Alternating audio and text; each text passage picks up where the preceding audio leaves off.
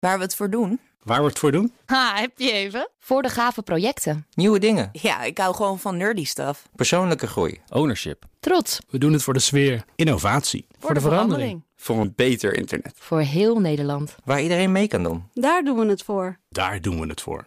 Waar doe jij het voor? Kom werken voor KPN en groei op jouw manier. Check de actuele vacatures op het gebied van data, security, development en networking op jobs.kpn.com/tech. Wetenschap vandaag. We gaan naar Carlijn Meijners, onze wetenschapsredacteur. Um, ja, Carlijn, een taal voelen, hoe zit dat precies? Ja, um, uh, nou, we hebben het over een team van studenten, Team Hart van de TU Eindhoven. En ze hebben eigenlijk hun pijlen gezet op human augmentation, zoals dat zo mooi heet. Dus eigenlijk het verbeteren van de mens met behulp van techniek en technologie. Daar is eigenlijk uh, natuurlijk al sprake van als je een leesbril op je hoofd zet, dan word je ook al verbeterd dankzij techniek. Maar in dit geval spreken de makers van het toevoegen van een extra zintuig. Student Laurens Touwen vertelt wat ze precies hebben ontwikkeld. Een belangrijke realisatie of een belangrijke vondst waarop wij voortbouwen is het feit dat uh, je brein eigenlijk verrassend goed is in het interpreteren van nieuwe informatie, zolang die informatie regelmatig en op dezelfde manier binnenkomt. Wat wij concreet ontwikkelen is een prototype met daarin 24 trillende motoren die op een mouw op de voorarm zitten. Um, en die kunnen op veel verschillende manieren trillen. En die trillingen die zijn eigenlijk representaties voor allerlei soorten informatie. En is die mouw nou onderdeel van een shirt ook? Nee, nee, het is een losse mouw om de onderarm, eigenlijk met aan het einde een duimgat. Oké. Okay. Zeg maar. En hoe laten ze die, die mouw trillen? Daar hebben ze uh, verschillende dingen voor geprobeerd. We begonnen eigenlijk met dezelfde trilmotortjes die in je telefoon zitten. Um, en die werkten, maar die waren eigenlijk niet precies genoeg. Want die kosten een secondetje om op gang te komen. En je kan eigenlijk alleen maar de intensiteit aanpassen. En we hadden eigenlijk meer differentiatie nodig. Dus we zijn geswitcht naar een soort speakertjes. Het hele tectonic exciters, de technische term. Maar dat zijn eigenlijk gewoon kleine speakertjes.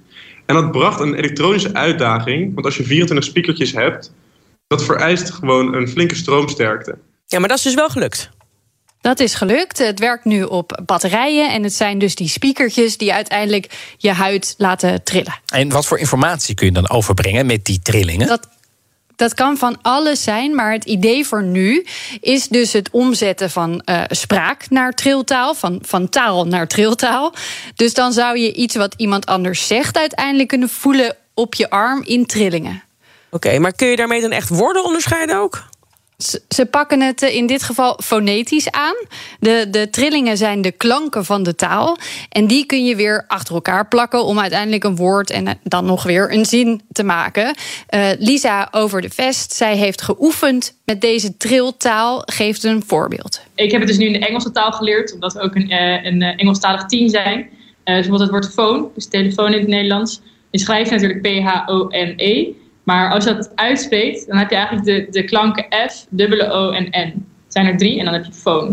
Oké, okay, en die klanken die hebben eigen dan een, een, een, eigen, elk een eigen trilpatroon. Klopt, ja. Soms zijn het twee motortjes die tegelijk dan eventjes trillen. Maar andere klanken gaan over de hele arm heen. En klanken die op elkaar lijken, hebben ook een patroon dat op elkaar lijkt. Dat zou het makkelijker moeten maken. En waar ook over na is gedacht, is de plek van de trilling. Hoe het dan eigenlijk zit, is dat die sleeve, die heeft natuurlijk al die patronen die, van die klanken. Uh, en er zit wel een logica in hoe die klanken zitten op de sleeve. Uh, bijvoorbeeld de letter T, die ligt best wel voor in de mond. Die zit ook, wordt ook een beetje geprojecteerd aan de voorkant van mijn arm. Uh, dus meer richting mijn pols. en zo bijvoorbeeld de K, die ligt wat meer achterin. dus die wordt ook meer wat achterin geprojecteerd. Oké, okay, dit lukt ook echt dus om zo die triltaal af ja. te lezen? Ja, ze vertelde dat ze inmiddels een paar weken heeft getraind. En dat het aanleren van die losse klanken, dat dat een beetje is zoals je vroeger woordjes stampte op school, Ja, zeg ja. maar. En binnen een week had ze die allemaal. Uh, nou, ondertussen zitten die klanken die zitten er wel echt in, die losse patronen. En dan komen we inderdaad bij de woorden. Uh, dat is waar ik nu heel erg mee bezig ben. Uh, dat is namelijk weer een nieuwe level van, de, van moeilijkheid. Uh, want dan moet je namelijk eerst voelen wat, welk patroon het is. Dan uh, een klank aanlinken. En dan moet je dus weer gaan denken, oké, okay, hoe spreek je dit nou uit? Oh, lastig. Ja, ja, het is echt een taal leren eigenlijk. Maar uh, ze zei uh, simpele woorden, die lukken er nu al. Dus het Ja. kan wel echt. Het klinkt een beetje als Grieks leren. Ik heb ook eens een keer een poging gewaagd. Ik heb het Nou opgegeven. ja, misschien is het wel vergelijkbaar. Ja. Je moet er wel misschien een beetje gevoel voor hebben. Ja. Ja, nou is dit nog een prototype. Wat kan er nog aan verbeterd worden?